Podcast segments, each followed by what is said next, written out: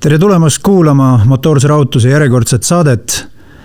Minu nimi on Martin Arak, mina olen tänase saate saatejuht ja minuga koos on siin Õhtulehe stuudios Toomas Vabamäe. tere! ja Tarmo Klaar. tervist! toimus siis meil sellel nädalavahetusel vormel üks kahe tuhande kahekümne kolmanda aasta hooaja siis neljateistkümnes etapp, Hollandi Grand Prix sõideti seitsekümmend kaks ringi sellel kuulsal legendaarsel Zandvoorti rajal, mis siis täna peaaegu et tõesti täna tähistas seit-, oma seitsmekümne viiendat juubelit. tegemist siis sellise väga ajaloolise ja legendaarse võistlusrajaga, mis on siis võib-olla kalendrisse jõudnud tagasi tänu Max Verstappenile. mida meie sellest rajast arvame, Toomas? no mina ei ole kunagi varjanud, mis ma sellest rajast arvan, mina arvan, et see on mõttetu rada vormel ühe jaoks. tõsi ka? jah vormel ühe jaoks, mitte Hollandi publiku jaoks. ja ma pean muidugi ütlema, et see nädalavahetus oli erand ja erand oli ainult tänu vihmale. Tarmo? no mina ei ütle, et äh, suurelt osalt tänu Max Verstappenile on ta tagasi kalendris, ta on ainult tänu Max Verstappenile tagasi kalendris.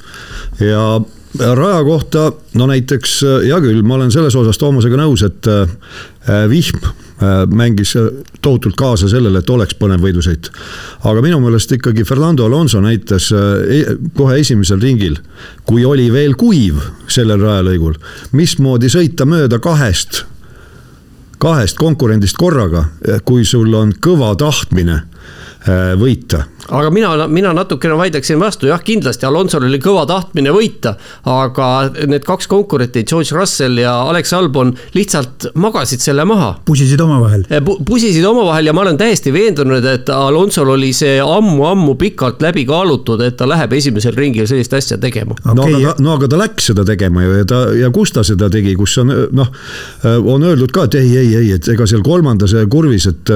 ei no miks sa ei saa. üks, üks trajektoor ikka, et see et seal ikka ei saa. mis tähendab ei saa, saab küll, saab küll, kui sa oled enne selle välja mõelnud ja esimesel ringil kõik on ju, hoiavad natukene tagasi, keegi, keegi välja arvatud Alonso ei lähe esimesel ringil võistlust võitma, aga Alonso on nii vana kala, et tema juba teab, kuidas esimesel ringil võistlust võita. aga, aga nii palju ma tahan küll öelda, et selles osas on noh äh, jälle ütleme, minu arvamus natukene kattub Toomasega, et vaata, on selline, ta on selline voolav rada kus äh, just pärast seda kolmandat kurvi, äh, seal on ju see sõidujoon on põhimõtteliselt üks, et ega sa väga ei saa pidurdusmaal ka niimoodi vupsata kõrvale.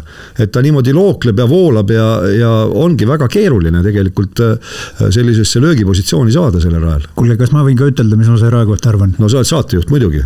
mulle väga meeldib see rada, mulle meeldib ta peamiselt seetõttu, nagu ka kõik ülejäänud nii-öelda vanakooli rajad, et vormel üks auto kiirus paistab erakordselt hästi silma just äh, läbi telepildi nendel no, radadel. ma usun, et ma usun, et, et seal on äge sõit ja sõitjad ütlevad ka, et on õudselt lahe, täpselt sama nad ütlevad ju Imola kohta, mis kipub ka produtseerima selliseid rongkäike. just, just ja sama lugu oli Portimaos aga, aga ikkagi selles suhtes, Toomas, ma vaidlen sulle vastu, et, et me ju nägime siiski seda, et noh, hea küll, võib öelda, et see on äh, võib-olla selline üks ja ainus kurv, kes kõige rohkem neid möödasitte näeb, aga Tarsanis, Tarsanis on ju, võib ülevalt ehk väljast mööda ja, sõita. nii seest kui väljast. nii seest kui väljast võib mööda sõita, nii et äh, tegelikult äh, äh, ei ole seal raja, rajal häda midagi, ütlen mina. kuule, aga kas lähme nüüd, lähme nüüd selle nädalavahetuse juurde, alguse juurde kenasti tagasi. ise sa alustasid sellega. alustasime rajast, alustasime ja, rajast. ja, ja, ja, ja rada sai nii, mis tolmas. tähistasime vanakese juubelit parimal võimalikul moel, aga nädalavahetus algas siis ütleme nii, et suure pauguga, mis tegelikult nii suur ei olnudki, aga millel oli äh, võib-olla suur tagajärg. ehk siis esmalt sõitis siis äh, teisel vabatreeningul sealsamas kolmandas suure viraažiga kurvis siis äh, seina Oskar Piastri ja tema järel kohe, praktiliselt kohe siis tema rahvuskaaslane Daniel Ricciardo, kes siis õnnetul kombel murdis oma käeluu. ja Daniel Ricciardot toodi üllatus-üllatus asendama siis Liam Lawson kui keeruline on niiviisi külmalt vormel üks sõitjat asendama tulla. Tarmo, kuidas sina kommenteerid? No mina ei ole kunagi üheski sarjas tippsõitja olnud, aga äh, noh, ma olen tähelepanelikult jälginud aastakümneid ja, ja ma saan aru küll, et äh, kui sa ikkagi üldse selle autoga sõitnud ei ole. ja ta ja, ei ole. ja, ja ta ei olnud, Lawson ei olnud üldse. ta on eelmise aasta, eelmise aasta Alfa Tauriga sõitnud. ja ongi väga keeruline, tõsi, tal oli kogemus äh, vormel kahest, et rada ta tundis nii-öelda, aga nii nagu paljud sõitjad on öelnud, kes lähevad aste kõrgemale järgmisesse klassi. Nad ütlevad, et hea küll, äh, ühes klassis ma olen sõitnud küll, aga nüüd on järgmine võistlusklass, mis on palju kiirem ja see on hoopis teine jutt jah, rajal tulevad, rajal tulevad välja sellised äh, eripärad, mida vormel ühega sõites tulevad välja eripärad, mida sa vormel kahega ei tunnegi, näiteks sellised äh, ebatasasused, noh, kust vormel kaks auto läheb lihtsalt üle, aga vormel üks suurema kiiruse tõttu võib-olla tõuseb lendu natukene. Toomas, aga sinul on ühtlasi ka võidusõidu kogemus olemas, sealhulgas äh, sealjuures oled sa ka proovinud vormel üks autot, et kui nüüd võtta arvesse seda, et Liam Lawson pole ealeski vormelautoga, mis tahes vormelautoga nõnda pikka distantsi üldse läbinud, kui keeruline see saab üldse olla ühele noorele sõitjale no ma arvan, et ta on hästi valmistunud, et ega Red Bull ei ole teda ilmaasjata seal koolitanud ja poputanud, et pannud ju Jaapanisse tänavu võistlema Jaapani superformula sarjas ja. ja sõitjad ütlevad, et ega seal Jaapanis sõitmine, see on füüsiliselt vaata et sama raske. sest autodel on ka survejõudu on seal kõvasti, distantsid on pikad, noh, mitte küll nii pikad kui vormel ühes, aga ikkagi pikad. ja ega seal ka kerge ei ole, noh, lisaks sellele see on väga spetsiifiline, et kõrvalt tulles noore sõitjana nagu Lawson tänavu seal debütant on kui ta on üks etapp, õigemini siis üks etapp tähendab küll kaks võistlussõitu.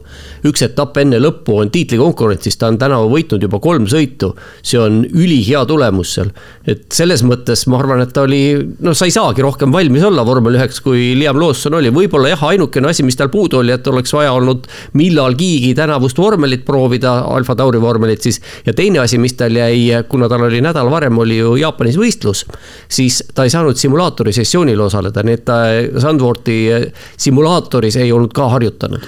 ma arvan, et Lawsoni juurde me veel tuleme tagasi siin äh, pika saate peale, aga küsin teie käest, et kui tõenäoline oleks olnud säärane populaarne valik, nimetame siis Helmut Marko poolt, et rooli panna Nick de Vries koduetapil no ilmselgelt see oli ebatõenäoline, tõenäoline, sellepärast et teda ei pandud sinna rooli.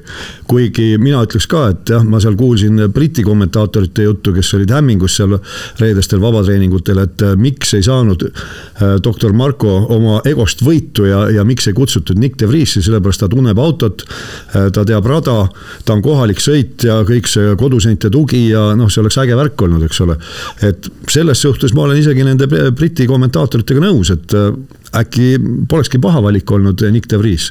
no ja siis, no ja aga, aga ega siis äh, tuleb ju vaadata ette, mis, mis see tähendab, et Nick de Vries panna selleks üheks korraks vaja on ju uusi sõitjaid, miks seda, miks seda Lawsonit on siis seal poputatud ja, ja sõidutatud, ta on juba kahe tuhande seitsmeteistkümne, ei, üheksateistkümnendast aastast ja ta on kõige pikema staažiga Red Bulli noorsõitja praegu üleüldse.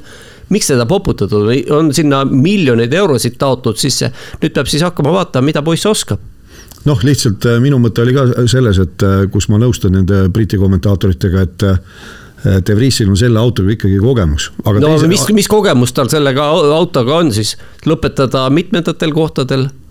no pealt kümne tugevalt, aga, aga ikkagi, et, et see oleks olnud minu jaoks arusaadav valik, teisest küljest on õigus, et nüüd ma saan aru, et ennem seda Hollandi etappi on tiimipealikud ka äh, arutanud teemat, et äh, probleem on majas noortel sõitjatel ei ole vormel ühega praktikat ja siis, kui nad ühel hetkel, nii nagu Lawson, saavad sanga, siis ei pruugi üldse tulemust tulla, mis sest, et ta on alamastme sarjades kõva vend olnud.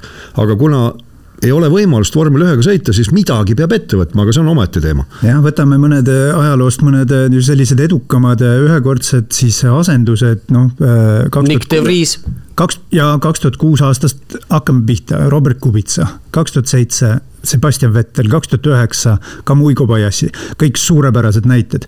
eelmisest hooajast Nick de Vries Monsas suurepärane näide. aga, aga kui me vaatame esimest kolme või nelja, mida ma seal nimetasin, siis mis ajast nemad eh, seda asendussõitu tegid, sellel ajal, kui praktiliselt ikkagi testimine noortele sõitjatele oli võimalik. ja oli piiramatu no iseasi, pigem küsimus oli selles, et kui palju tiim raatsis seda aega anda, sest see ju kõik maksis jah, hea küll, igal juhul, tuleme veel Lawsoni tegevuste juurde tagasi, aga äh, lähme edasi kvalifikatsiooniga. kvalifikatsioon sõideti siis ilmselt samamoodi nagu ka kõik ülejäänud sessioonid sel nädalavahetusel segastes oludes. seda iseloomustab ehk kõige paremini fakt, et äh, kvalifikatsiooni esimese ja kolmanda sessiooni parimate ringiaegade vahe oli kümme sekundit äh, kvalifikatsiooni ilmselt suurim üllatus oli Hamiltoni väljajäämine Q3-st, mis juhtus? No mis seal ikka juhtus, seal ütleme, oli valel ajal vales kohas, et äh, tipptund oli sel hetkel rajal. ja juhtus Tsunoda ka vist. no just nimelt noh. no vaatame, kus on põhjus, kus on tagajärg, ma ütleks, et Tsunoda oli tagajärg, põhjus oli lihtsalt selles, et, et oligi, oligi tipptund ja noh võta sa nüüd kinni, kas oleks tiimil olnud seal võimalusi Hamiltoni mingil teisel ajal välja saata, ma ei usu, et see väga midagi muutnud oleks, noh, see oli niisugune juhuslik äh, asjaolude kokkusattumus, et Hamilton sinna Tsunoda taha takerdus. aga, aga see, ütleme selline takerdumine oli õhus, sest arvestame, tegemist on kõige lühema rajaga peale Monacot, neli tuhat kakssada viiskümmend üheksa meetrit. ja teises kvalifikatsioonis, heakene küll, siis ei ole enam kakskümmend, aga on viisteist autot. aga need viisteist autot täidavad selle rajaga väga kiie ära, kui ringiajad isegi sellel märjal rajal olid ju no võtame seal või niiskel tol hetkel, noh, minut kakskümmend, see on kaheksakümmend sekundit. see tähendab äh, sisuliselt viis sekundit iga auto peale, see ei ole suur vahe. pluss igal eelneval autol on suur vihmapilv Taga. no just, just, no selleks hetkeks enam väga ei olnud seda veetolmu, aga, aga noh, ikkagi põhimõtteliselt viis sekundit ei ole, ei ole väga suur vahe. aga teiseks vahvaks uudiseks oli siis see, et Logan Sargent pääses esimest korda siis äh, Williamsi roolis äh, Q3-e. ja tegemist oli siis esimese korraga pärast üheksakümne kolmandat aastat, kui Michael Andretti siis eelmise ameeriklasena pääses siis äh, äh, nõnda kõrgele või õigemini esikümnesse, siis toona McLareniga võisteldes.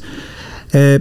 ja Williamsil üldse kaks tuhat seitseteist aastal viima-, viimati oldi äh, Q3-s mõlema autoga. Naljakal kombel, et äh, aga Q3-s olid mõlemad Williamsid ja mõlemad McLarenid noh, ütleme, kui me siin McLareni puhul arvame, et, et viimaste etappide põhjal, et see võiks olla juba nende selline level, siis äh, kuidas Williamsiga lood on? no Williams on uskumatu arengu tegelikult teinud, et kui siin tõsteti taevasse äh, Williams, mis oli Monacos või siis kõik naersid tema põhjalahenduste üle, noh nüüd enam naermiseks pole põhjust, ma mäletan, et kas see oli nüüd ennem starti või seisis ju Adrian Newey väga-väga pikalt just nimelt äh, ühe Williamsi taga ja, ja väga keskendunult vaatas midagi. muidugi Adrian Newey on tuntud ka selle poolest, et ta hämab. et äh, see koht, kuhu tema vaatab, tegelikult ei pruugi mitte mingisugust tähtsust omada, sellepärast et nende tiimi poolt palgatud paparatsod parasjagu filmivad ja pildistavad ja kaardistavad hoopis mingisugust teist autot teise koha pealt. jah, tõenäoliselt ongi nii, et kui sel hetkel, kui Newey vaatas Williamsi taga, tagaosa sellel hetkel need paparatsod olid McLareni nina juures kuskil. jah, nii et Williams ei pruukinud üldse asjasse puutuda, aga äh, tegelikult ka äh, paistab niimoodi, et Sandvorti rada, mis äh, ei hiilanud ju sellise Äh, selliste kiirete kurvidega ja, ja kiirete lõikudega nagu mitmed teised rajad, kus on äh, just tippkiirus tulnud välja, see Williamsi tippkiirus sel aastal. see oli selline sikerdamise, nikerdamise rada ja ainult üks lõik siis sellest kolmeteistkümnendast kurvist alates neljateistkümnes ja kuni Tarzanini, see oli see kõige kiirem lõik. et äh, mujal ka oli tegelikult Williams sel nädalavahetusel kiire. ja üks oluline äh, fakt veel juurde, et Williams oli tegelikult kiire ka kuivades oludes, mitte üksnes märgades äh, tingimustes. aga nüüd Q3-s siis äh, Sargent tegi kohe siis oma, oma suurepärase töö, noh, praktiliselt nullis ära või? no paraku küll jah, et pani välimised rattad märja asfaldi peale ja läinud ta oligi rajalt jah, ise ütles, et äh, nendes oludes piisas sellest, kui sa ideaaltrajektoorilt äh, kurvis millimeetri võrra kõrvale kaldusid, noh, millimeeter on väike liialdus, aga tõsi on, et teine kurv seal põhimõtteliselt tuligi sõita hästi täpselt, et seal see kuivjoon ei olnud isegi mitte autolaiune, et kui sa sealt natukene välja läksid, noh, siis Sargent näitas, mis juhtub.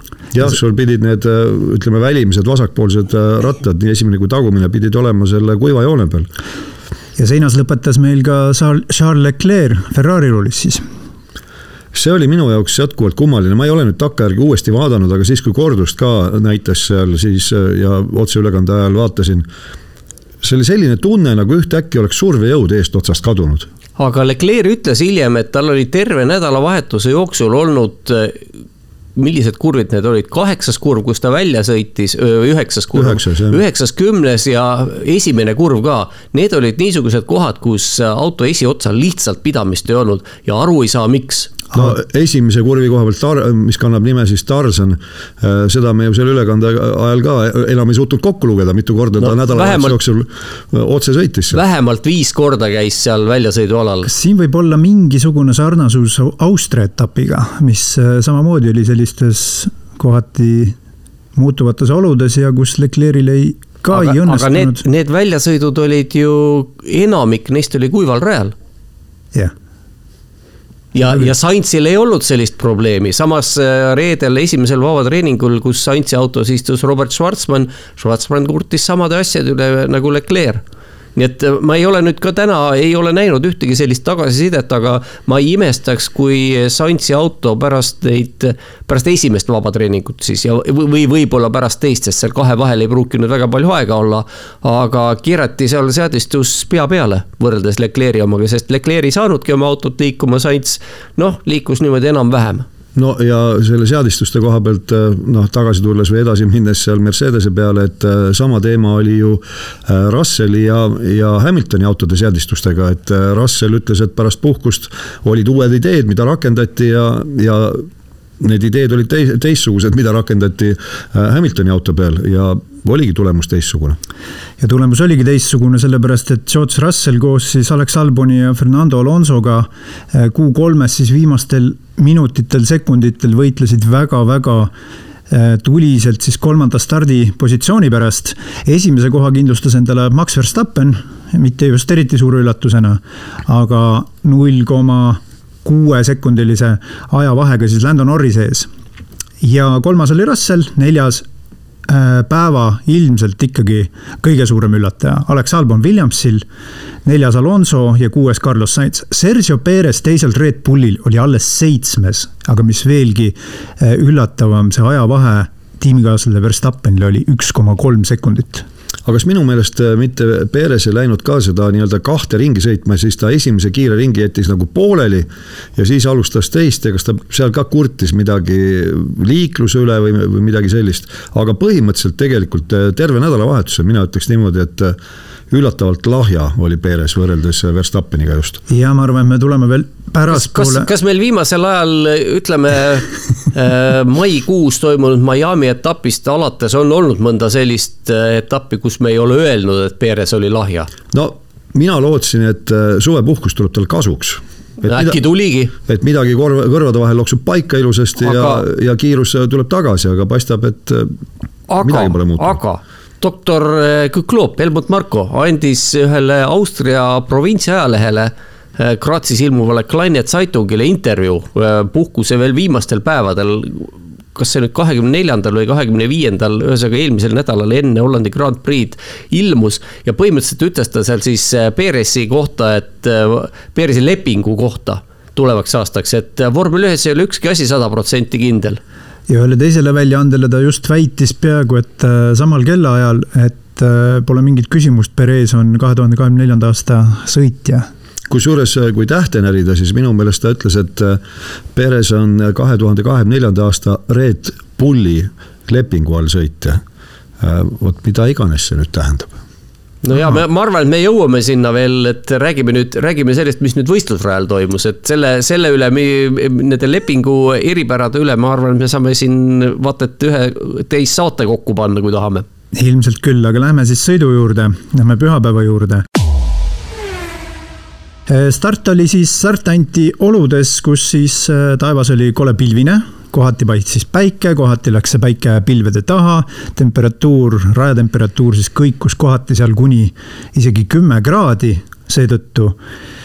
hea küll, äh, start läks lahti ja imelise stardi tegi viiendalt stardikohalt siis lähtunud Fernando Alonso Aston Martini roolis, kes siis tõusis juba selle äh, kolmandaks kurviks kolmandale kohale, sellest me siin päris saate alguses juba äh, põgusalt rääkisime ka. aga nüüd, esimene ring sõideti väga-väga sellises pineva, pinevates oludes siis äh, peaaegu lõpuni, kuni siis avanesid taevaluugid.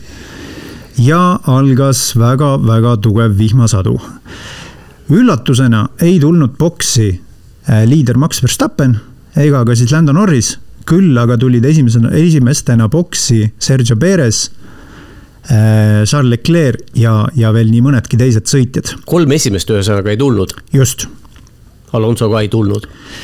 tagantjärgi tarkus on nüüd loomulikult see, et äh, kõige õigem otsus oligi tulla kohe esimesena boksi ja just nimelt, see, see on just nimelt tagantjärele tarkus. see on tagantjärgi tarkus. Eh, Perez pääses siis päris kiiresti sellest boksi peatusest, ehkki tema oli esimesena sees ja pidi seal kohati ka teed andma nendele, kes tema järel boksi tulid. aga nüüd Leclerc'il ja Ferrari'l oli seal väikene selline, kuidas me nimetame seda, tavapärane intsident või? no mina saan aru, et rattad olid laost välja kirjutamata no ma saan aru niimoodi, täna kuskilt, kuskilt lugesin, et Leclerc oli ootamatult boksi saabunud no ise ta no, väiteski niimoodi, ise ta ütles, et tiim ei teinud mitte miskit valesti, et, et ta lihtsalt ise teatas tiimile. jah, no kui me jõuame siin edasi, siis tegelikult Perezil ju see üks hilisem boksipeatus, mis nurja läks, oli põhimõtteliselt samasugune. Perez sel hetkel, kui ta rajalt maha keeras boksi teele, ütles, et nüüd ma tulen aga üllataval kombel jõudis ka Yuki Tsunoda üks hetk boksi ei mäleta küll täpselt, mis koha pealt, aga tema istus seal boksis veelgi kauem kui Leclerc, sest samamoodi ei leitud seal õigeid rattaid rehve üles ja, ja, ja miskit seal veel takerdus. aga kõigele vaatamata, kui nad nüüd tagasi rajale pääsesid, olid nad kohati kümme kuni viisteist sekundit ringi peale kiiremad kui kõik need, kes olid siis kuiva ilma rehvidega. no mitte, et nad kiiremad olid, aga nad võistsid isegi nende äpardunud boksipeatustega või veninud boksipeatustega tegelikult tohutult palju. sest see vihm, mis noh, Verstappen ju sõitis ka, eks ole, tema oli esimene, tema sattus sinna märjale rajale esimesena.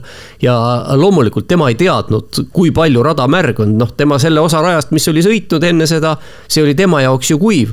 Ja siis niikaua, kui nad arutasid tiimiga, noh, loomulikult niikaua ta alustuseks sõitis bokside algusest mööda ja Verstappen oli, ta ise ütles, et ta oli veel teise ringi keskel, teisel sektoril veel arvanud, et äh, pole mingit probleemi, et võib slikiga edasi sõita. aga siis tiim ütles talle ei, ei, ei, et nüüd tuleb ikka kindlasti sisse tulla ja Verstappen läkski ilmselt äh, Lando Norrisel oli samasugune dialoog. aga tema siis nähtavasti oli domineerivam pool selles dialoogis ja otsustas, sõidab edasi, mis jällegi tagantjärele vaadates oli vale lahendus. jah, kokkuvõttes olidki Mercedes ja McLareni äh, tiimid siis need, kes äh, äpardusid praktiliselt täielikult no McLaren eh, osaliselt, eh, Mercedes ikka päris täielikult. Mercedes täielikult, sellepärast et eh, Russell oli pärast neid boksipeatusi kas kaheksateistkümnendal kohal või? just ja, ja küsis ju ka raadiodel, et kuidas me siis nüüd niimoodi tegime. kusjuures Mercedese puhul ma ei saa üldse aru, seal oleks olnud ju kõige lihtsam asi. heakene küll, et lasti Russellil edasi sõita, kuna ta oli hetkel neljandal kohal vist kuna tema oli eesotsas, siis peabki konservatiivsemat taktikat järgima, aga Hamilton oleks tulnud kohe plaksti sisse võtta sest seal ei ole, seal ei olnud kaotada mitte midagi, aga võita oleks olnud terve maailm. miks Hamilton jäeti nii kauaks sinna märjale rajale slikkidega kullertama, vot see on asi, millest ma aru ei saa. no see on jälle teema, mis on tüüpiline Mercedesele, et nad ei ole muutuvates oludes paindlikud, et neil on kõik all by the book. et selline saksa täpsus, kõik on ennem läbi mängitud ja kui stsenaarium on selline või tähendab, olukord kujuneb selle, selliseks, mida stsenaariumis kirjas ei ole, siis nad on nagu peata kanad just see on täpselt äh, ütleme taktika, mida, mida kasutas siis ka Aston Martin, sest äh, Alonso puhul tehti põhimõtteliselt noh, nii enam-vähem kõik õigesti. aga kannatajaks oli seekord Stroll, kes samamoodi kukkus võistlejate rivi lõppu aga läheme siis sellega edasi, et. noh, kuigi, kuigi samas noh, jällegi ma pean ütlema, et ma saan aru nendest mõnes mõttes näiteks Albonist ja just Albonist eelkõige, miks, miks tema ei tulnud? sest noh, Williamsil oli see, kui see vihm oleks läinud üle tõesti natukene kiiremini, siis Albonil oleks olnud tohutult hea šanss tõusta, tõusta liidriks. jah, ja, ja, ja algselt seda ju ka ennustati, et see vihm kestab kaks minutit, kestis paraku umbes kümme. et äh, ja, ja kui sa oled Williams või sa oled, ütleme äh, selliste sõitja, äh, sõitjapaariga Aston Martin, siis jumala eest, mine seda teed pidi just. see, see oli, see oli, see oli täiesti, täiesti, täiesti, mina ütleksin, et oli Williamsi poolt mõistlik risk. kuigi, kuigi see ei õigustanud ennast, aga, aga see oli asi, mida tasus proovida, täpselt samamoodi nagu oli see kaks tuhat kakskümmend või kakskümmend üks nüüd enam Lando Norris Sotšis, viimastel ringidel jällegi täiesti õigustatud risk. jah, aga seal ei arvesta. lõppkokkuvõttes noh, tagantjärgi tarkusena ei õigustanud, aga ei, ma olen siin täpselt Toomasega sama meelt, et, et pidigi riskima niimoodi aga lähme siis edasi selle, selle osa juurde, kus siis äh, boksis käinud, siis tulid tagasi rajale, nagu juba mainisime, Perez näitas siis imelisi ringiaegu võrreldes nendega, kes äh, rajal uitasid veel kuiva ilma rehvidega. ja Perez äh, tõusis lausa võluväel võistjate rivis ettepoole. ja nüüd, kui järgmisel ringil siis Verstappen ja, ja, ja kes need teised seal kõik olid, ka boksis käisid, oli siis Perez tõusnud liidriks, kui ma õigesti mäletan ja teisel kohal oli Guan Yu Zhou tolleks hetkeks.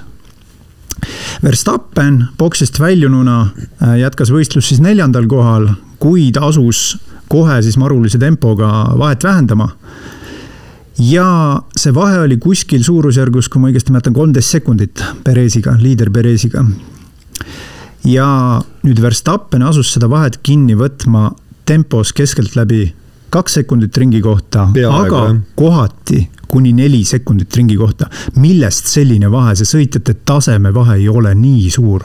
no, no tuleb, tuleb välja, et on aga kas on no,, kas ta, see oli sellest tingitud ta,? tagantjärgi Perez on küll öelnud, et äh, tal kästi rehve säästa, sellepärast et arvati, et äh, vihm taandub. ja siis tuleb uuesti ja siis, kui ta uuesti tuleb, et siis oleks veel midagi all, et ei peaks lisaboksi peatust tegema. see on nüüd tagantjärele Pereze seletus Toomas? no ma kordan seda, mida ma juba ütlesin, et ma arvan, et ongi sellistes oludes ongi, Verstappen suudab kuidagi haista või ma ei tea, mitmenda meelega tunnetada seda, kus see piir on. Perez sõidab kindla peale ja, ja tema see kindla peale on, ongi nii palju aeglasem no,, midagi ei ole paraku teha. jah, ma, ma pigem, pigem nõustun, nõustun ka siin äh, teiega, et, äh, et see kahtlemata Perezi me oleme näinud sellise säästva sõidustiiliga, eriti rehve säästva sõidustiili äh, sellise esindajana, lausa, lausa pooleldi sellise pioneerina. et tema enamus suurepäraseid tulemusi ongi saavutatud vaata et sellistes oludes kus on, kus on tarvis selliseid eh, pikkasid eh, nii-öelda stinte sõita. aga, aga lihtsalt noh, see neljasekundiline, olgu see isegi kui keegi seal takistab, mida iganes, see, see selline ringiaja vahe, et, et see on see, see on natukene teisest maailmast. no ütleme nii, et tänasel päeval nähtavasti Verstappeni jaoks see auto on nagu kinnas käes et eh, ta tunneb ennast nii kindlalt, nii mugavalt, ta usaldab seda autot, et ta võib teha selle autoga mida iganes ja, ja muidugi noh, eh, tunnetus on tal imeline, et täpselt, et ta tunnetab selle piiri ära eh, kui palju riskida võib ja, ja sealt see kiirus tuleb kõik. ja muuseas, raja kuivamine oli nüüd tegelikult väga-väga, käis väga-väga kiire tempoga, sellepärast et Verstappen, kes oli jõudnud tolleks hetkeks Perezile juba umbes kahe sekundi kaugusele, kutsuti siis sisse kuivalme rehve alla vahetama üheteistkümnendal ringil. Mis oli tegelikult juba lootusetult hilja, sellepärast et kui ma vaatan siin praegu graafikut, siis äh, teine ring oli see, kui Perez käis äh, rattaid vahetamas. teise ringi alguses siis. Ja kuuendal ringil oli tema tempo juba sama kui slikkidel Albonil ehk ainult neli ringi olid siis need vihmarehvid kiiremad kui slikid. probleem muidugi oli selles, et nendel märjadel ringidel vihmarehvide ülekaal oli palju suurem kui kuival ringi, kuival asfaldil slikkide ülekaal. nii et Albon kokkuvõttes kõigepealt, kui ma nüüd õigesti mäletan, et kõigepealt ta kaotas kuuskümmend sekundit märja peal ja siis võitis nelikümmend sekundit kuiva peal tagasi, aga noh, neto oli ikkagi miinus kakskümmend Peresiga võrreldes. just selleks mm -hmm. hetkeks olidki Albon ja Piastri olid äh, võistlejate rivi tagaotsas siis kõige kiiremad võistlejad, olgugi et olid seal äh, kohati jah, kümneid sekundeid maas. aga ma, ma natukene imestan muidugi, miks hoiti seal neid eesotsa sõitjaid nii kaua vihmarehvidel, sest noh, oli näha, eks ole, et vihma enam ei tule ja slikid olid juba kiiremad, noh sektori aegadest oli see ilmselt juba ennegi paista, ma, mina kogu aeg ei saanud jälgida seda, aga tiimides on ju omad inimesed, kes seda jälgivad, et põhimõtteliselt seitsmenda ringi järel oleks tulnud juba võtta sisse. ma arvan, et me siin kohe nüüd jõuamegi teise suurema küsimuseni.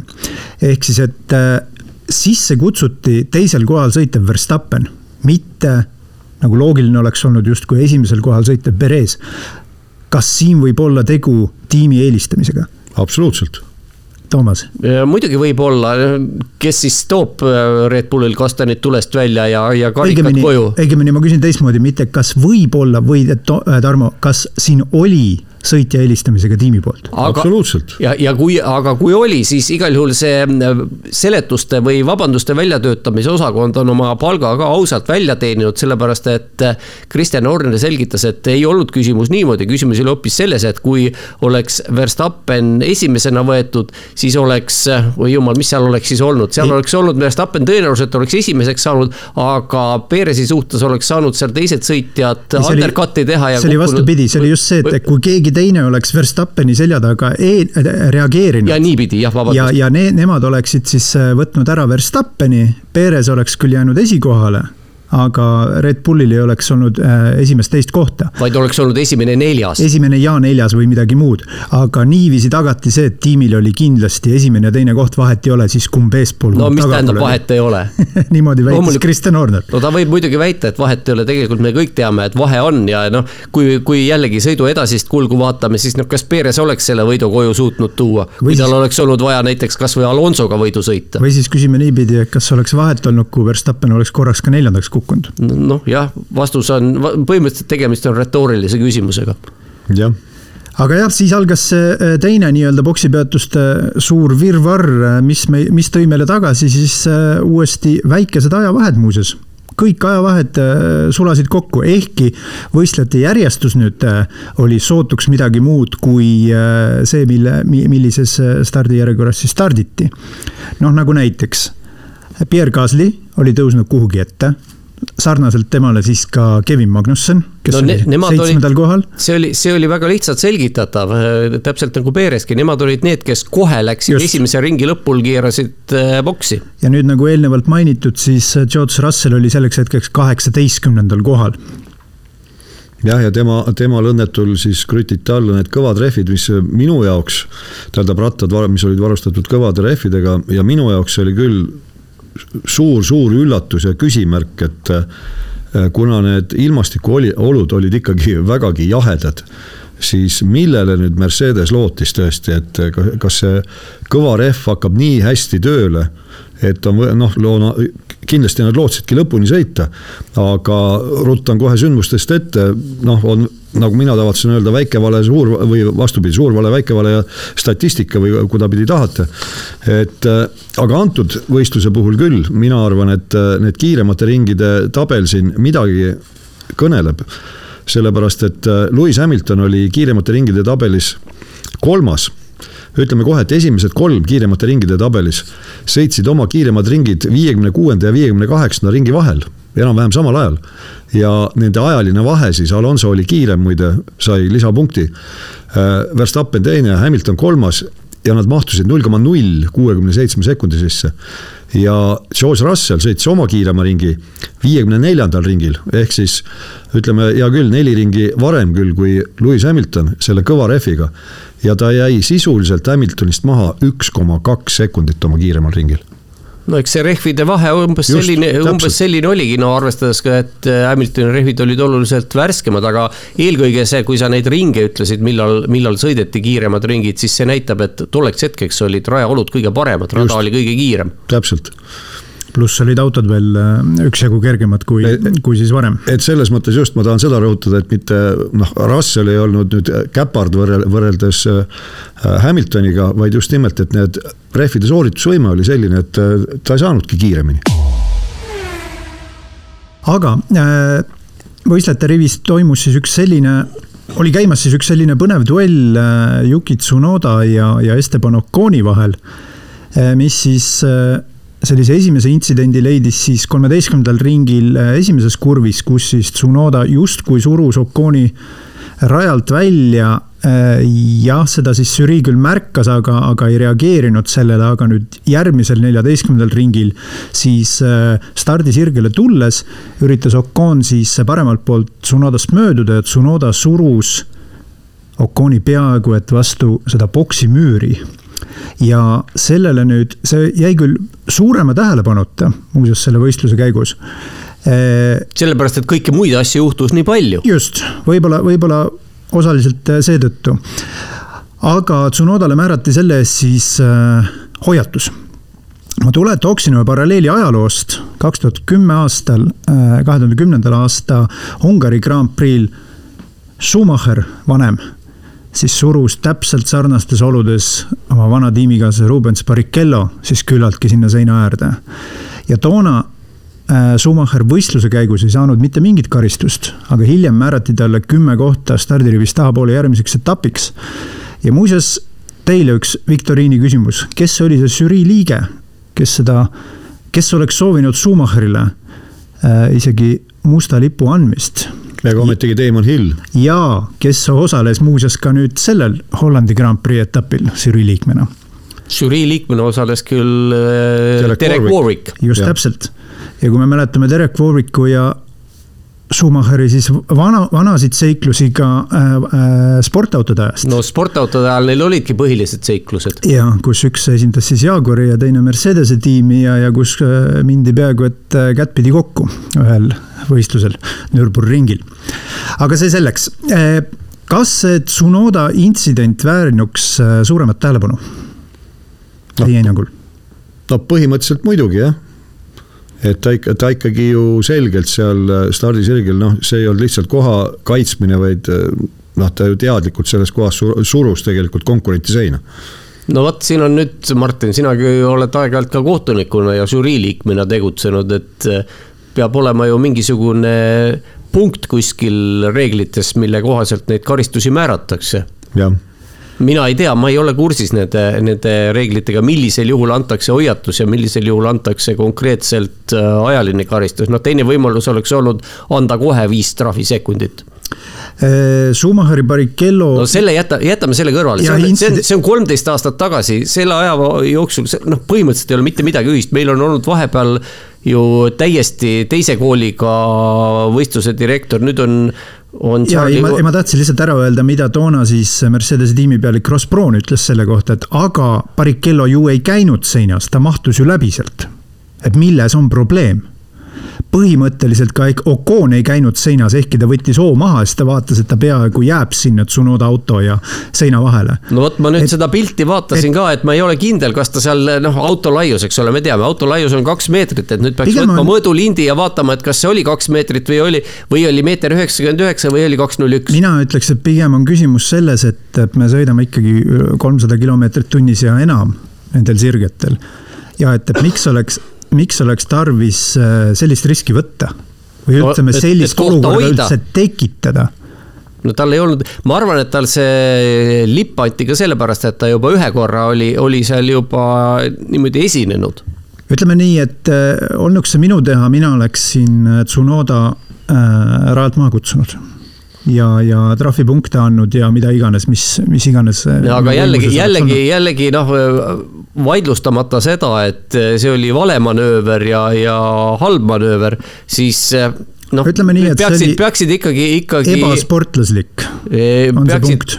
jah, võib-olla, aga, aga no mis asjad on ebasportlik, ebasportlikud on ju paljud, paljud teised manöövrid ka, mida on tehtud no see on umbes sarnane nagu relvaga vehkimine, et otseselt kedagi ei tulistata, aga, aga. no ma jään, ma jään siin natukene eriarvamusele, et äh, kindlasti ei oleks pidanud teda rajalt maha võtma, võib-olla oleks pidanud andma viis trahvisekundit. aga jällegi, kuna ma ei tea, millised on äh, need konkreetsed äh, määruste punktid, millega seda, millega on paika pandud, millise üleastumise eest milline karistus antakse, siis ma ei oska seda ka öelda.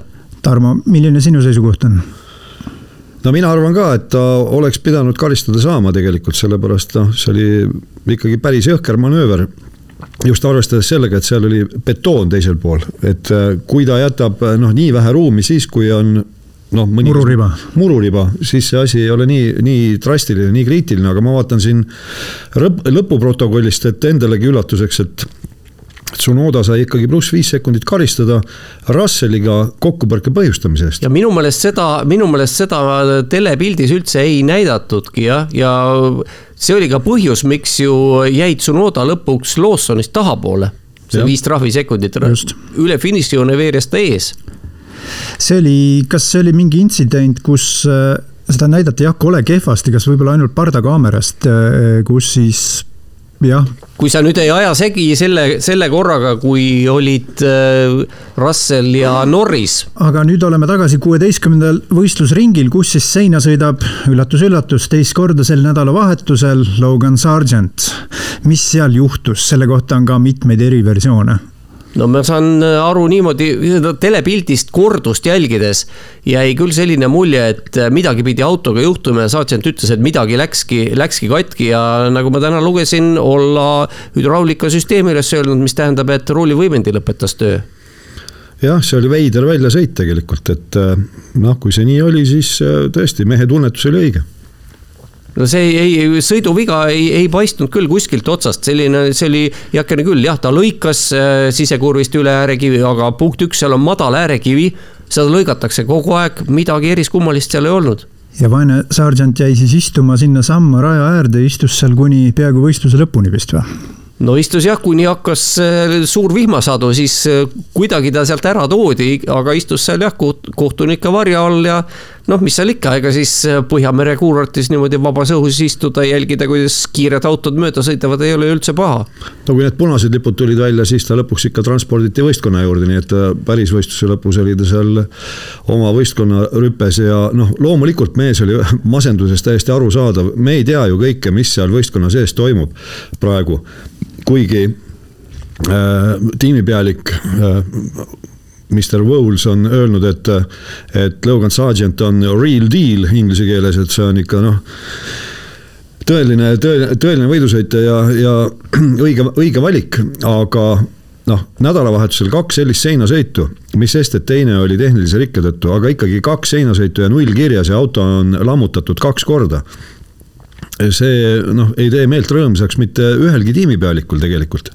meenutab Mikk Schumacherit. absoluutselt, tegelikult ka ja, ja nagu üks vanakuulus ütlus on, et, et sinu tulemus on täpselt nii hea nagu su äh, viimane tulemus või kuidagi sääraselt see käis. nagu su viimane võidusõit, no et, see on minu meelest Kege Keijo Rosberg, Ruusberg, kuidas keegi soovib, tema minu meelest võttis käibele sellise fraasi ja, ja sealt see on nüüd liikvele läinud ja tihtipeale tundub, et nii ongi ja paraku ei pruugi seda keegi mäletada, et oli seal roolivõimendi rike või jumal teab. no ärme nüüd siis eh, liialdame seda, mida kirjutavad, noh, meil on paraku see asi, et me loeme ju enamasti inglisekeelset materjali ja, ja inglisekeelne materjal noh, tuleb ka mingisugused sellised lehed nagu Daily Mirror ja, ja, ja ma ei tea, mis asjad veel, eks ole. noh, kus eh, neid pealkirju vaadates juba tegelikult võib, võib äh, mitte, mitte neid linke avada, sest see, mis seal kirjas on, on enamasti infotühi, lihtsalt selline mulli ajamine. ja paljuski ega siis tiimi, tiimi inimesed, need ei ole ju rumalad, nemad ei vaata ainult seda, et, et mis juhtus eile või mis juhtus üleeile, vaadatakse ikkagi pikka pilti. Ühesõnaga ja, ja siis Sargenti avarii järel tuleb siis rajale turvaauto, mis on siis äh, kuskil suurusjärgus viis ringi rajal. nüüd õnnetul kombel enne, vahetult enne turvaautot jõuab boksis käia Oscar Piastri.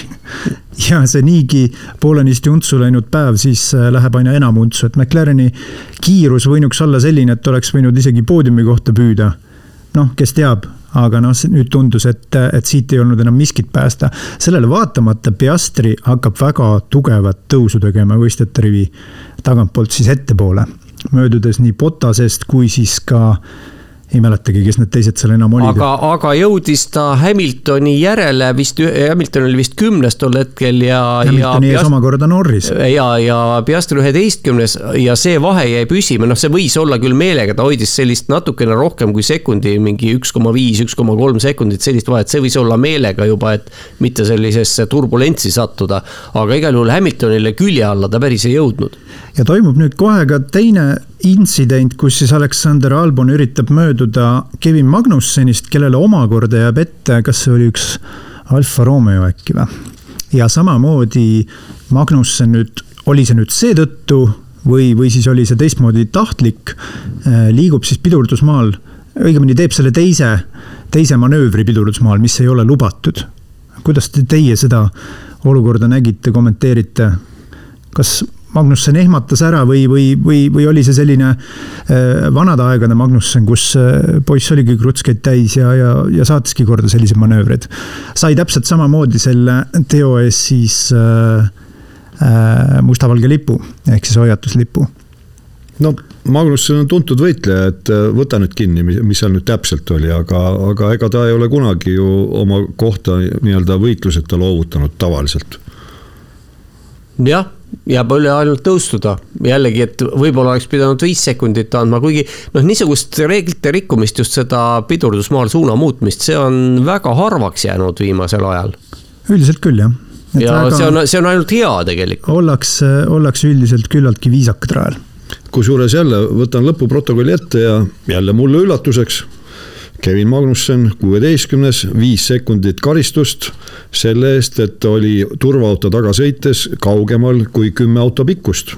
Ja see, see info, et uurimis, ja see on see info, et ta uurimise all oli, see tegelikult tuli enne sõidu lõppu, aga noh, siis oli kõik muud asja oli nii palju toimus rajal, et siis mingisuguseid tagumisi otsa mehi, oleme ausad, ei olnud aega lihtsalt tähele panna, täpselt nagu Tsunodatki. aga Magnusseniga nüüd sama lugu, et tema oli Haasi tiimis siis see sõitja, kes võitis sellest äh, võistluse alguse vihmasajust ja Hülkenberg see siis, kes kaotas.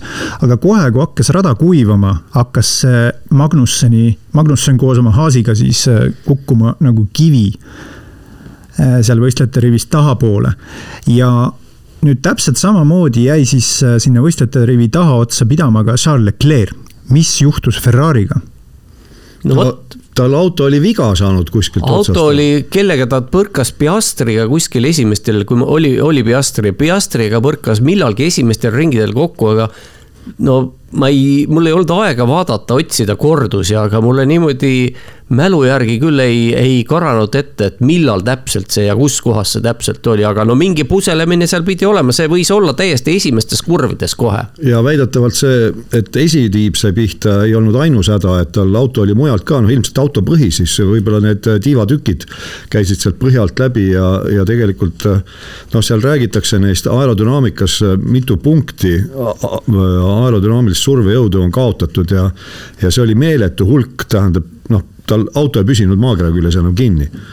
ja loodeti, miks teda üldse nii kaua väljas hoiti, võistkond lootis, et äkki hakkab vihma sadama ja, ja neljakümne teisel ringil siis Leclerc äh, kutsutaksegi boksi ära ja, ja katkestatakse.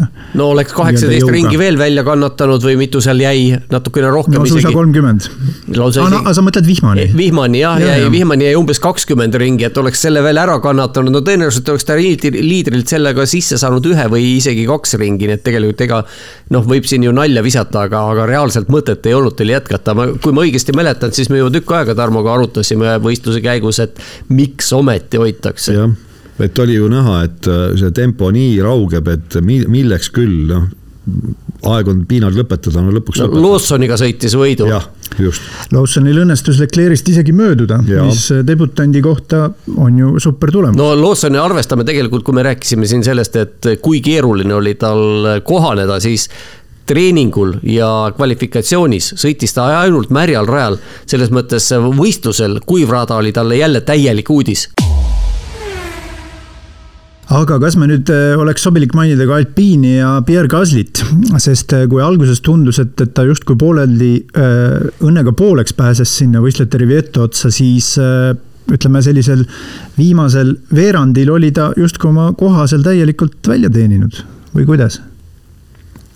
Noh, jah, eks no see oligi selline hea asjaolude kokkulangemine, et äh, jällegi, kui neid kiiremaid ringe ja, ja, ja kümne äh, kiirema ringi keskmist vaadata, noh siis ta mitte kuidagi ei oleks tohtinud seal esikolmikus olla, aga lihtsalt äh, olud mängisid niimoodi selle koha talle kätte ja, ja joosis antud võistlusel võistkond sattus tegema õigeid otsuseid. no tegi, Kasli ju ise ütles võistlusjärgses intervjuus, et kõik otsused, mis me tegime, olid õiged mille peale mul tuli küll pärast meelde, et oot-oot, ta sai ju viis trahvisekundit. just tänu millele ja. Äh, Carlos Sainz Ferrari'l pääses temast. jah, aga, aga Sainz osutus nii aeglaseks, et see tegelikult lõpptulemusele mingisugust mõju ei avaldanud. No ja see näitab veel jõudude vahekorda Peresega, hea küll, Peres tegi seal pirue-, noh, pirueti, tegelikult tegigi pirueti ju esimeses kurvis, aga Peres, Peres sai ju ka Äh, viis sekundit kar karistust äh, boksi teel kiiruse ületamise eest, nii et selles mõttes oli neil nagu võrdne seis, et mõlemad olid viiesekundilise karistuse saanud ja lõpuks oli ikkagi Gasly eespool. jah, ja kui nüüd Sainz sai. aga, aga muidugi tasub mainida, et Perez, vabandust, tähendab Gasly viiesekundilise trahvi nullis ära see vahepealne punane lipp millega ju vahet kokku tõmmati, no turvaauto ka, jah, turvaauto ka jah. Kuigi see oli enne, aga, aga jah, igal juhul Kaslil oli, olukord oli teine, tal oli võimalik see kaotus tagasi sõita ja noh, lõpus oligi ju, käis ju nende vahel tegelikult vahetu võitlus, Perez oli küll. ei, Toomas, ma parandan sind, Kasli ikkagi käis äh, boksis ta kandi- ja, ja ta ja, kandis. ja kandis seal oma ja, karistuse ja, ta ära. karistuse, aga tal oli, tal oli pärast seda aega seda kaotust tagasi sõita. aa, selles mõttes ja, ja ja. Perezil enam seda ei olnud ja, Ja. ja, ja Perez ju lõpuks sõitiski, Kasliga sõitis vahetult võidu, tal oli vaja Kasli ees viiesekundiline edu saavutada, aga Kasli ei lasknud sel juhtuda. ja nüüd päris tipp tuleb meil siis boksi esimesena siis nendest Alonso neljakümne üheksandal ringil ja Alonsol on probleeme boksis. Tänu millele ta kaotab siis oma kolmanda koha, hetke kolmanda koha siis Carlos Sainzile. ring hiljem on siis sees äh, Verstappen ja tagasi rajale tuleb nüüd Alonso ja sõidab selle vahe kenasti Sainziga kinni ja võtab tagasi oma kolmanda koha kolme ringiga tegi, tegi vahe tasa. kiiresti jah, et äh, hea küll, tal olid küll, Santsil olid tolleks hetkeks seitse ringi vanad rehvid all, seitse ringi vanemad rehvid kui Alonsol. aga sellest hoolimata tundus, et Aston Martinile see, see rada ja eriti Alonsole see rada ja, ja, ja see päev ja need olud istusid hästi ja seda ka jah, aga, aga ma olen märganud ka eelmistel etappidel, tihtipeale on Ferraridel on just, just siis, kui auto on kergeks läinud ja pannakse järgmine rehvikomplekt alla, mis peaks nagu eelduste kohaselt väga hästi toimima, siis mingitel põhjustel mingisugune kombinatsioon on, et need rehvid ei toimi ja mulle tundub, et Saintsil oli praegu täpselt sama teema. et kuni, kuni boksi peatuseni oli kõik suhteliselt hästi kontrolli all, siis järsku autol kas tasakaal kadus või, või midagi läks valesti aga nüüd siis oleme jõudnud kuhugi kuuekümnenda ringi juurde ja praktiliselt kõik tiimid ennustavad siis läbi raadioside oma võistlejatele siis väga-väga kõva vihma no vihma ennustati tegelikult ju väga kaua aega, seal enam-vähem iga paari-kolme minuti järel öeldi sõitjale X, et eh, N minuti pärast algab eh, vihmasadu, mis kestab eh, Z minutit ja, ja nii edasi ja nii edasi. Need ma ei kujuta ette, ma ei ole lugenud neid, aga ma arvan et, et üheksakümmend viis protsenti sellest infost oli sulaselge vale no ei, ei realiseerunud ju see vihm. aga minu mäletamist mööda oli esimene oli Esteban Ocon, kes vahetas autole alla siis täis vihmarehvid. kas see... see ei võiks olla indikatsioon, et kuulge, tulemas on punane lipp või? No oligi, oligi, oligi. ja ongi ja seda me ju seal mainisime ka, et jah, sai alla küll, aga no ilmselt nüüd sõit, sõit katkestatakse. no aga, aga need rehvid pannaksegi alla ju siis, mida me, ma olen korranud, ma ei tea, kui palju ja ilmselt tuleb paraku veel korrata, et täisvihmarehvid pannaksegi siis alla, kui sõita ei ole võimalik Ühesõnaga... või, või õigemini, sõita oleks võimalik, kui sa oleksid üksinda rajal, aga teiste autodega koos veetolmu lendab üles nii palju, et keegi on, midagi ei näe. seal on tänane loogika see, et, et need pannakse alla ka turvaauto taga, et nõnda siis need kakskümmend autot või palju neid iganes rajal on ja need aitavad siis kuivatada rada jah, aga mida, mida rohkem nad rada kuivatavad, seda halvem on nähtavus, sest see vesi peab ju kuskile minema ja see vesi jääb õhku hõljuma. ja, aga ainult turvaauto taga. jah kusjuures, kusjuures tasub ka mainimist, et ju selleks etapiks spetsiaalselt ühekordne reeglite muudatus tehti. turvaauto taga starditi üleminekurehvidel kohustuslikus korras ja algab siis suur vihmasadu ja võib-olla selle suure vihmasaju kõige nii-öelda olulisem sündmus on siis see, et rajalt lendab esimeses kurvis välja Sergio Perez nojah, Oconi kohta muidugi tasub öelda veel seda ka, kui me korraks enne, enne kui me sinna Perese äparduste jada juurde jõuame, siis Ocon ju sai esimesena need alla ja, ja juba torises boksis, kui talle öeldi, et noh, need on, see on õige valik. ja poole ringi peal, kui ta oli pool ringi läbinud, siis ikka torises ka, et see on maailma kõige parem kõige hullem valik, kõige, kõige hullem äh, rehvikomplekt. aga kui ta ringi lõppu jõudis, siis ta oli juba äh, täiesti sada kaheksakümmend kraadi oma arvamust muutnud, sest selgus tõesti, et oli Alpiini tiim oli ainukene, kes, kes hammustas ja selle olukorra läbi. kohe vahetas alla märjailma rehvid täis, vihmarehvid siis alla ka Verstappen ja samal hetkel tuli siis, jõudis ka, koperdas boksi tagasi Sergio Perez ja mõni, mõni hetk hiljem siis. aga, aga paneme tähele, taaskord oli Verstappen põhimõtteliselt ring hiljem. ja, ja see oli siis see hetk, kui siis Seina oli sõitnud Guan Yu Zhou samamoodi esimeses kurvis ja, ja välja tuli siis äh, punane lipp.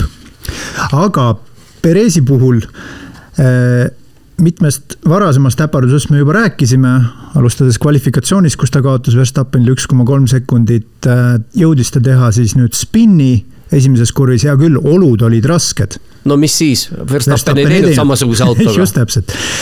enamik sõitjaid eh, peale Guan Yu show ja keegi käi, ei käisid ikka veel seal kruusa peal käis veel, kes Tsunoda käis veel. ja Bota-, Botas sõitis ka sealt eh, ja, ja. otseks, seal ikka neid otsesõitjaid oli. Hamilton, Hamilton ka vist. Hamilton ka jah. Hamilton ka jah. nii et ikkagi oli, aga, aga noh, jällegi, kui vahetu võrdlus käib alati ju tiimikaaslasega, kellega sul on samasugune auto. Verstappenit ei ajanud miski sealt asfaldi pealt maha. just täpselt, aga nüüd Peresiga juhtub üks selline naljakas intsident siis boksi tulles tol hetkel, vahetult enne siis seda, kui võistlus on punaste lippudega peatatud, nimelt ta siis äh, boksi teele jõudes enne seda kiirusepiirangu joont üritab meeleheitlikult pidurdada. ja, ja blokeerib rattad. Ja, ja see, see tee sinna boksi on äh, kergelt selline sinka-vanka ja siis sõidab otsapidi õnneks küll õrnalt vastu siis äh, boksi piiret liiga, liiga õrnalt sõitis. liiga õrnalt, sest oleks sellepärast... saanud kiirust rohkem alla, poleks äh, trahvisekundeid saanud. just täpselt aga noh, jällegi, me võime siin nalja visata, aga võib-olla, et kui oleks natukene kõvemini sõitnud, ma ei tea, kui palju tal see kiiruse ületamine. see oli marginaalne, kas see võis null koma üks või? no siis oligi, oligi niimoodi, et oleks natukene olematu. kõvemini sõitnud, olekski selle null koma ühe suutnud kokku hoida ja oleks, oleks koht kõrgemal lõpetanud. oleks võinud jah, kõvemini vastu seina panna ja, ja välja kõveraks sõita. oleks tulemus parem olnud.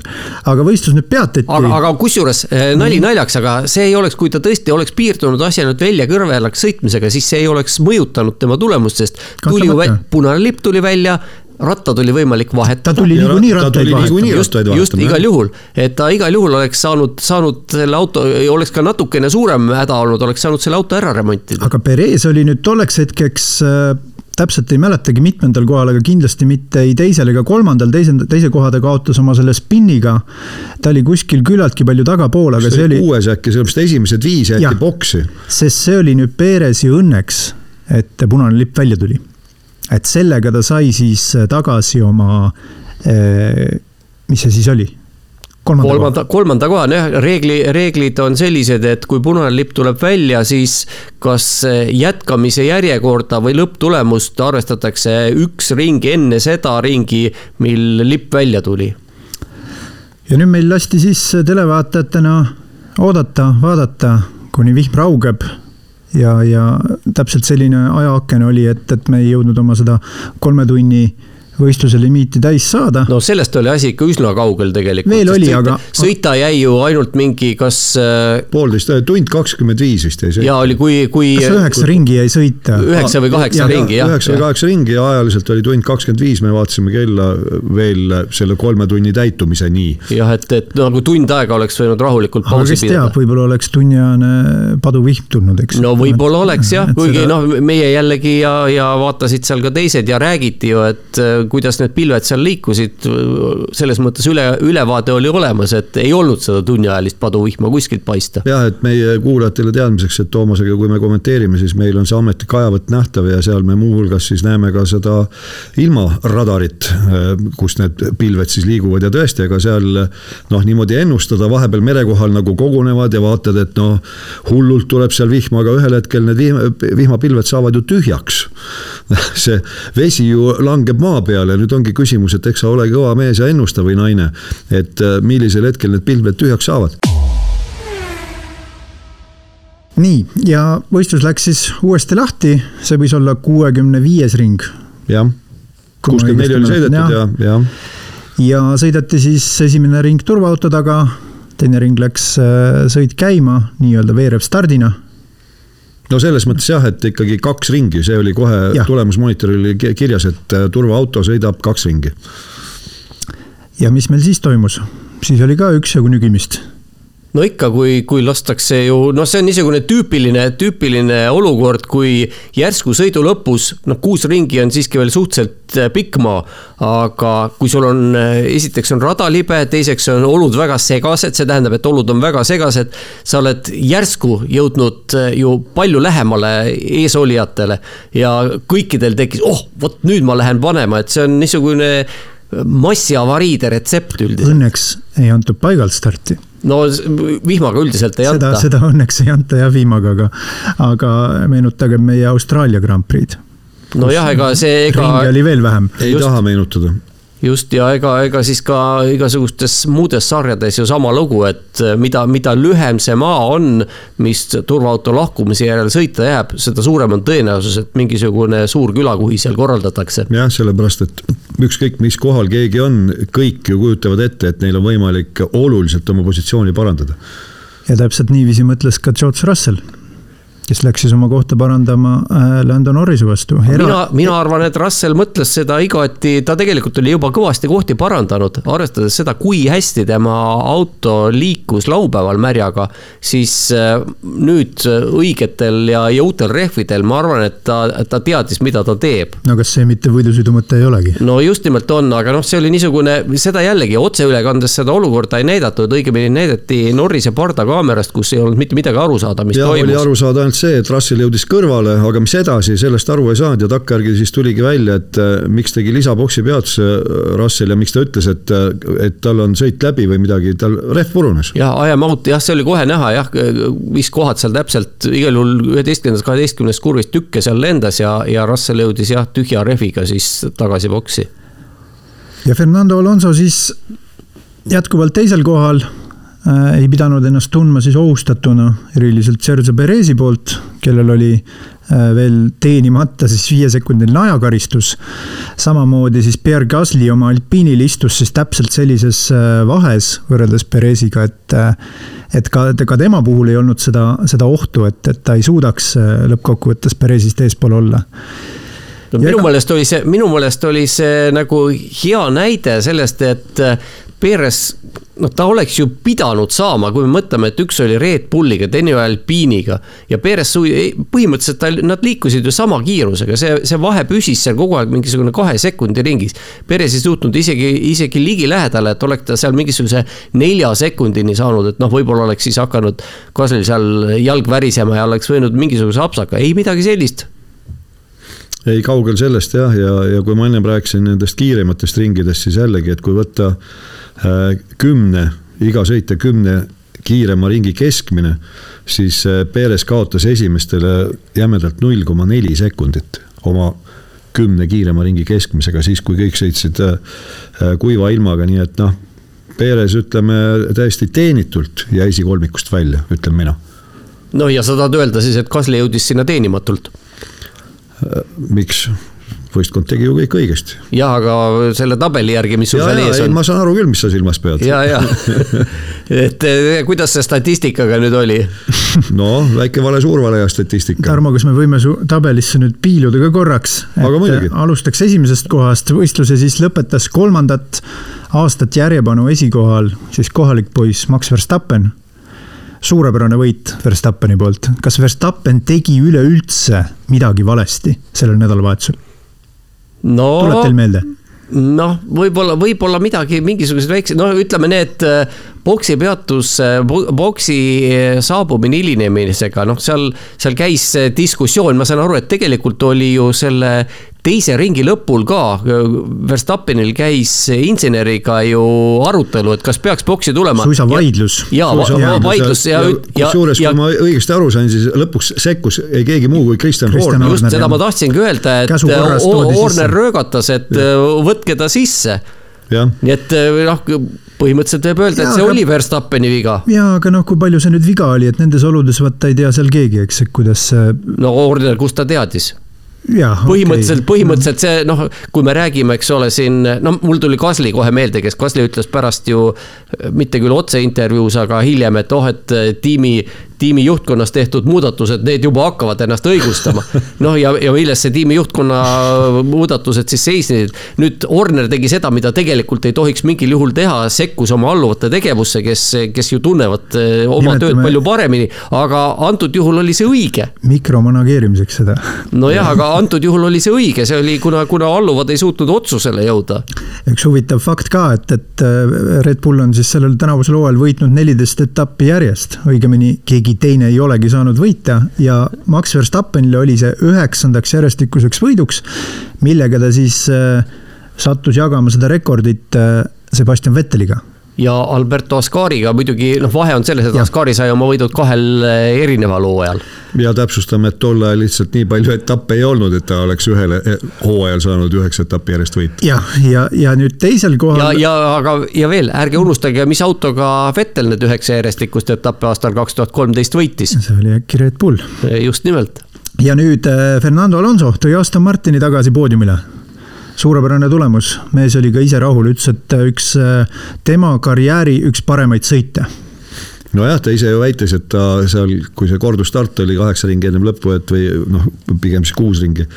et ta täitsa plaanis kohe rünnata, aga siis äh, mõtles ümber ja, ja arvas, et ta ei saa sealt rajalt minema, kui ta selle tempoga hakkama saab, noh nali naljaks. aga ma arvan, ta täiesti kindlasti, loomulikult plaanis, kui Muidugi, sa oled teisel ja, kohal ja. kui on niisugused segased olud, noh, kui sa ei plaanigi niimoodi rünnata, siis noh, palun väga, et sul on aeg millegi muude, muuga tegeleda. aga noh, üleüldse, et tegelikult Alonso sõit sel nädalavahetusel oli, oli tõesti vana hea hea Alonso, mitte et ta sel aastal ei oleks olnud vana hea Alonso. aga täpselt see esimese ringi, see kahe koha äh, võitmine kolmandas kurvis. see näitas, et äh, mees tunnetab, usaldab autot, et see auto on täpselt tema tagumiku järgi, vähemalt sel nädalavahetusel. et äh, tema jaoks ka kõik klappis Alonsoga seoses fanaatikutele üks huvitav fakt võib-olla jälle, aga ainult fanaatikutele huvitav. Alonso saavutas ka ühe rekordi, võttis ühe rekordi enda nimele, kas teie teate, millise rekordi? mina ei tea. Toomas, sina äkki tead? ei tea, ei tea, te ei tea. tunnistan, tunnistan ausalt, ei ole fanaatik. see eh, rekord kuulus siis siiamaani siis eh, taaskord vanema Schumacheri nimele, see oli siis esimese ja viimase poodiumi vahe oh jumal küll. Schumacheril oli see aastast üheksakümmend kaks kuni kaks tuhat kaksteist. aga muuseas, kellel on, kellele kuulub rekord esimese ja viimase kaheteistkümnenda koha vahel? vot ei tea, aga, aga Alonso esimene poodium oli jah, kaks tuhat kolm aasta Malaisias ja, ja see nüüd näitab muidugi äh, huvitavalt seda, et mõni mees ei olnud sündinudki seal stardirivis. no ja võib ju veel niisuguseid fakte ka, et Max Verstappen on võitnud kõik Hollandi Grand Prix'd, mis tema eluajal on toimunud. jah see vastab täielikult tõele muuseas aga see selleks, ühesõnaga meil on siis, kui vana see Alonso meil ongi, nelikümmend kaks, nelikümmend kaks, neljakümne kahe aastane sellises hoos võidusõitja. mis see nelikümmend kaks siis nüüd nii väga on? jah just, kolmas, kolmas Eriti koht. eriti meie Toomasega võime seda öelda. kolmas koht Pierre Gasly Alpine Renault suurepärane tulemus Alpiinile tänavuse hooaja teine poodiumikoht, eelmine pärineb siis äh, Monacost Esteban Oconiga. ja ärme unusta, et Gasly oli korra sprindisõidus ka kolmas. jah, aga see ei lähe arvesse, sest tegemist on sprindisõiduga. no ikkagi, ikkagi ta oli, nojah, see ei ole poodiumi koht, sest poodiumit ei ole jah, äh, Sergio Perez Red Bulliga siis neljas, Carlos Sainz Ferrari'l viies, Lewis Hamilton Mercedesel kuues, Lando Norris seitsmes Aleksander Albon kaheksas, suurepärane tulemus kokkuvõttes. ei ole suurepärane tulemus. ehkki just. ma pean lõpetama oma lause, ehkki Albon ütles ise, et vähemalt kuues koht oli tegelikult käeulatuses.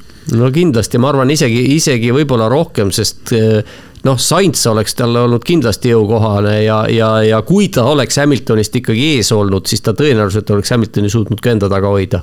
kas ta nüüd mööda oleks suutnud sõita, see on iseküsimus. noh, vot see oligi nüüd see taktikamäng, see, et ta jäeti nii kauaks nende kiilasrehvidega rajama. no jaa, aga see oli, oli riski peale minek, noh, ma, ma olen täiesti veendunud, et see oli teadlik risk ja, ja noh, nagu me rääkisime, siis risk õilistab.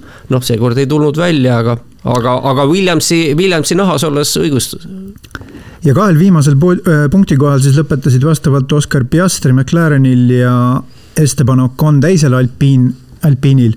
Eh, Liam Lawson, debutant siis, lõpetas võistluse kolmeteistkümnendal kohal. Alfa Tauri eh, autoroolis. muuseas, tänavusi tulemusi vaadates, siis tegemist on Alfa Tauri eh, vaatevinklist sellise väga hea tulemusega. täiesti normaalse tulemusega, sest eh, noh, Yuki Tsunoda on finišeerinud kümnendana. kaks korda punkti kohale. ja, ja kolm korda üheteistkümnendana, noh, Nick de Vries punkti kohale kordagi jõudnud, temal vist jäigi kolmeteistkümnes koht kõige paremaks või oli ta korra kaheteistkümnes? kaheteistkümnes ühe korra ka, jah. sest mingisugune, mingisugune värk oli, ma mäletan, et kui olid de Vries ja Logan Sargent olid mõlemad nullipoisid ja Sargenti parim koht oli parem kui De Vriesil, nii et no iga, igal juhul see on, kolmeteistkümnes koht on täiesti normaalne koht Alfa Taurile tänavu arvestades.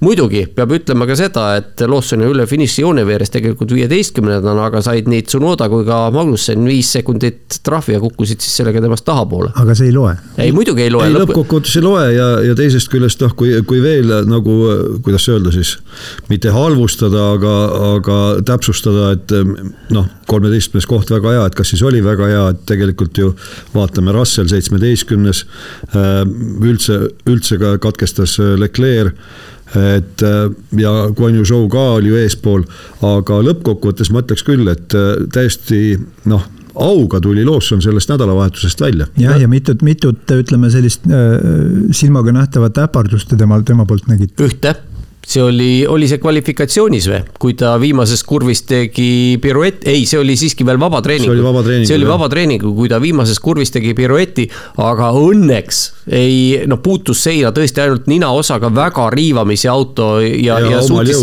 omal jõul sõitis boksi ja, ja tegelikult autol midagi viga ei olnud, et see isegi, isegi seda punase lipu vajadust tegelikult ei olnud, sest teda oli vaja ainult selleks, et saaks Lootson sealt välja sõita. jah, et ei no selles mõttes ikkagi arvestades tausta, et täiesti külmalt peale ja ta tegi, muuseas, ta tegi sellel vabatreeningul vaatamata sellele, et ta seal seina kaapas natukene, läbis rohkem ringe kui keegi teine. jah ja võistluse käigus ka tegelikult, kui te puhtalt ajavahesid vaatasite, ei olnud niiviisi, et Lawson oleks istunud kolmkümmend sekundit kuskil tagapool või midagi taolist, et, et mees oleks läinud lihtsalt distantsi läbima no, või midagi taolist. ma arvan, et, ma arvan, et ta läks lihtsalt distantsi läbima, aga, aga see võistluse kulg, turvaauto ja punane lipp, need mängisid lihtsalt tema kasuks, et need vahed läksid. ei, need omakorda aitasid, aga ta oli ka enne, enne neid olukordi oli, oli tegelikult. no ühesõnaga tegelikult, tegelikult ega ma olen täiesti kindel, et ega talle ei antud ees eesmärgiks mingisugust, et sõida nüüd selline ringiaeg välja või, või, või sõida mingisugune selline koht.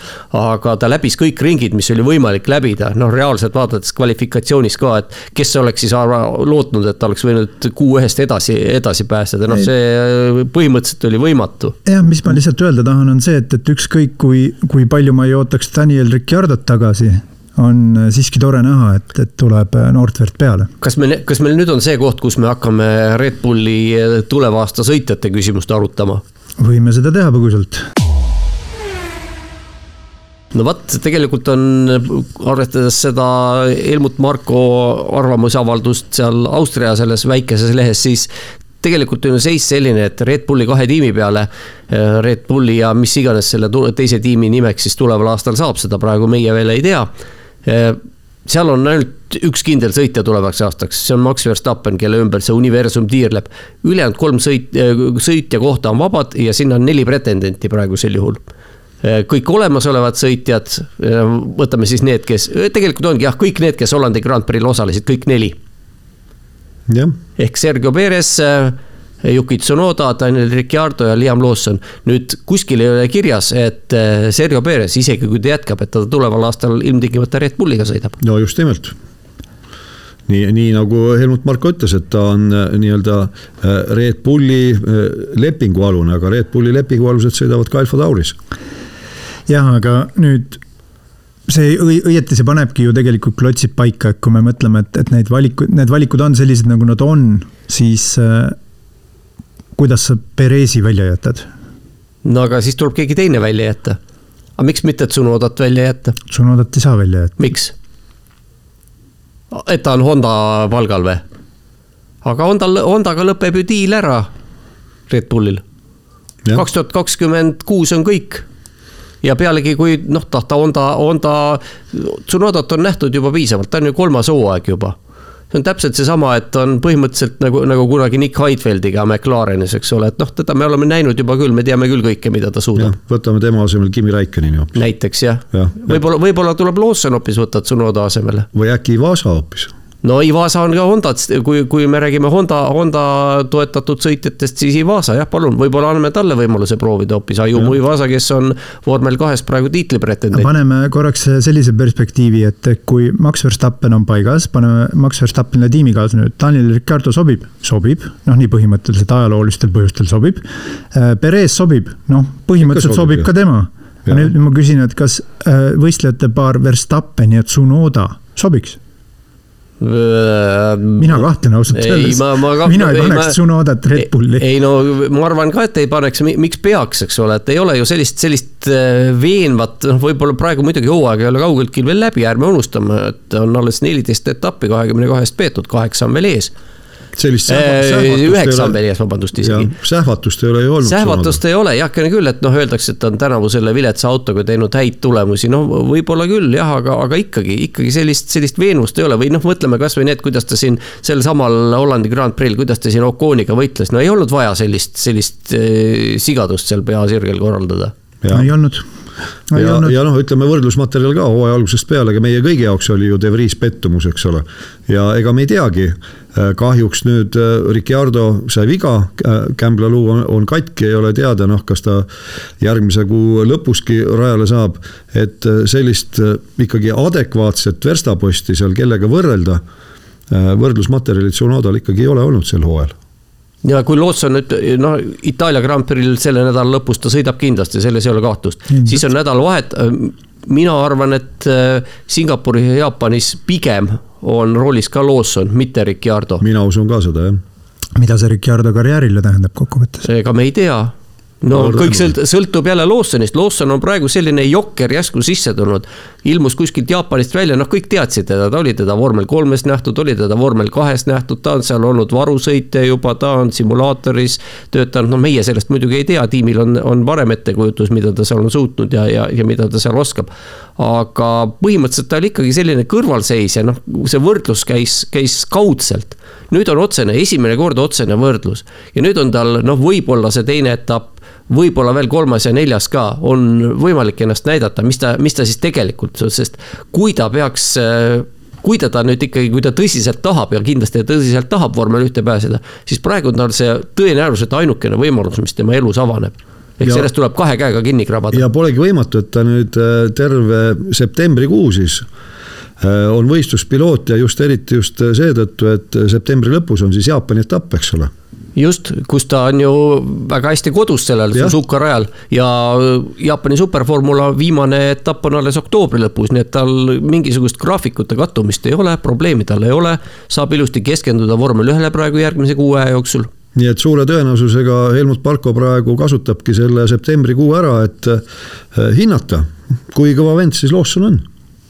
ja oleks, oleks ju rumal seda mitte teha. jah Ricardo, Ricardole võidaksegi öelda, et äh, okei okay,, sa ravi, võib, just ja, ja tegelikult tundub see mõistlik, noh jällegi, kuna Ricardo ju tegi nüüd käeoperatsioon, tehti talle pildid on juba väljas, kus ta on seal, käsi on küll hästi paksult kipsis äh, aga kui ma mõtlen, et äh, MotoGP sõitjatele, kes kiirustavad hirmkiiresti sinna sadulasse tagasi, noh, seal on olud on natukese teised, aga enamik neist on saanud väga valusalt selle eest karistada. Ricardo oleks väga mõistlik viivitada selle tagasitulekuga. just ja, ja muidugi tähelepanuväärne on ka see, et äh, täna tuli uudis siis, kus Helmut Marko ise on välja öelnud, et et Ricardo see käelumurd on tõsisem kui arvatud. et äh, noh, see võib olla. pinnase ettevalmistamine. täpselt ja lihtsalt, kui me vaatame, mitu etappi meil hooaja lõpuni on jäänud ja kui näiteks, kui kaua võttis Fernando Alonsol aega, et äh, oma esimesel taga, tagasituleku aastal siis Alpiniga äh, kiirus üles saada. Ja Ricardo ei ole saanud seda, tal ei ole seda võimalust olnud, ta on ainult ühe võistlusnädalavahetuse saanud või ütleme, poolteist saanud kaasa sõita. Et äh, ja, ja, ja mis need etapid nüüd järgi jäävad tal, kui ta lõpuks äh, oma kipsist vabaneb, et see võib kokkuvõttes tähendada Ricciardole tema karjääri lõppu võib küll, jah. võib. nii kurb, kui see ka pole. aga mis meid ees ootab? Itaalia Grand Prix juba sellel nädalavahetusel. jah, vähe ringe, suur kiirus, palju punases äh, fänne.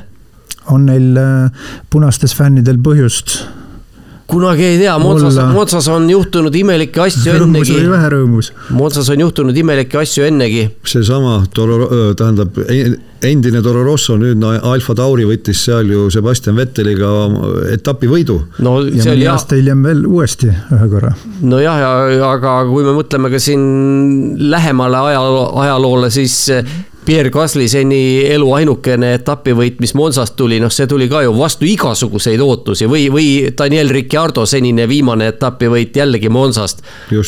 kes oleks seda osanud ennustada, et kipub, kipub, Monsas on ikka selliseid üllatusi ka üsna palju tegelikult tulnud. Monza rada üldiselt soosib kõiki selliseid stsenaariume. jah, aga muidugi vaadates eh, Verstappeni ja Red Bulli tänavust üldist ülekaalu ja eriti seda, kuidas nad tulid toime just äsja lõppenud etapil Sandfordis kõigi nende asjadega, mis, mis seal juhtusid siis noh, väga keeruline, ma ütleks, et ainult tehnikarike on see, mis võiks väärata. aga just kaheksakümne kaheksandal aastal oli Monza see rada, kus katkes siis McLareni äh, võitude seeria. aga, aga jälle puhtalt, puhtalt Senna hooletuse tõttu tegelikult, ei midagi mitte, et see midagi tähendama peaks, ma lihtsalt mainisin seda. ja ei, lihtsalt räägime kas me räägime veel millestki või on see sobilik koht, kus me tõmbame tänasele saatele joone alla?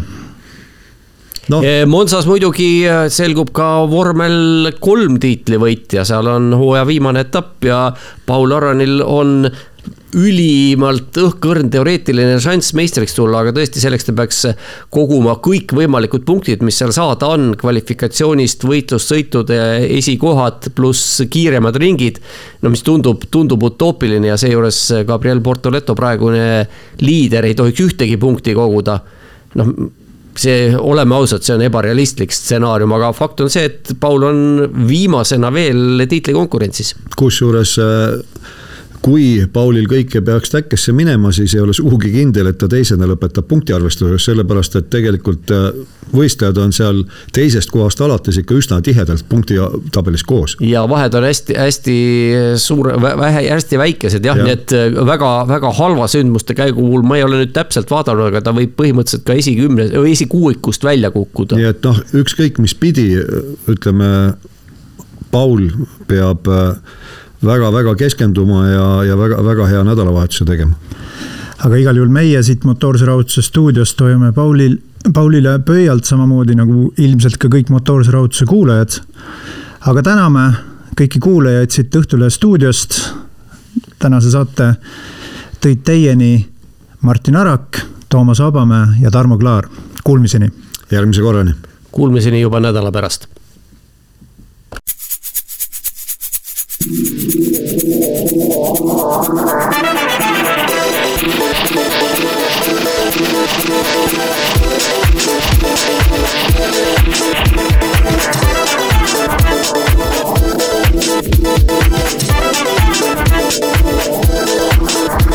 Thank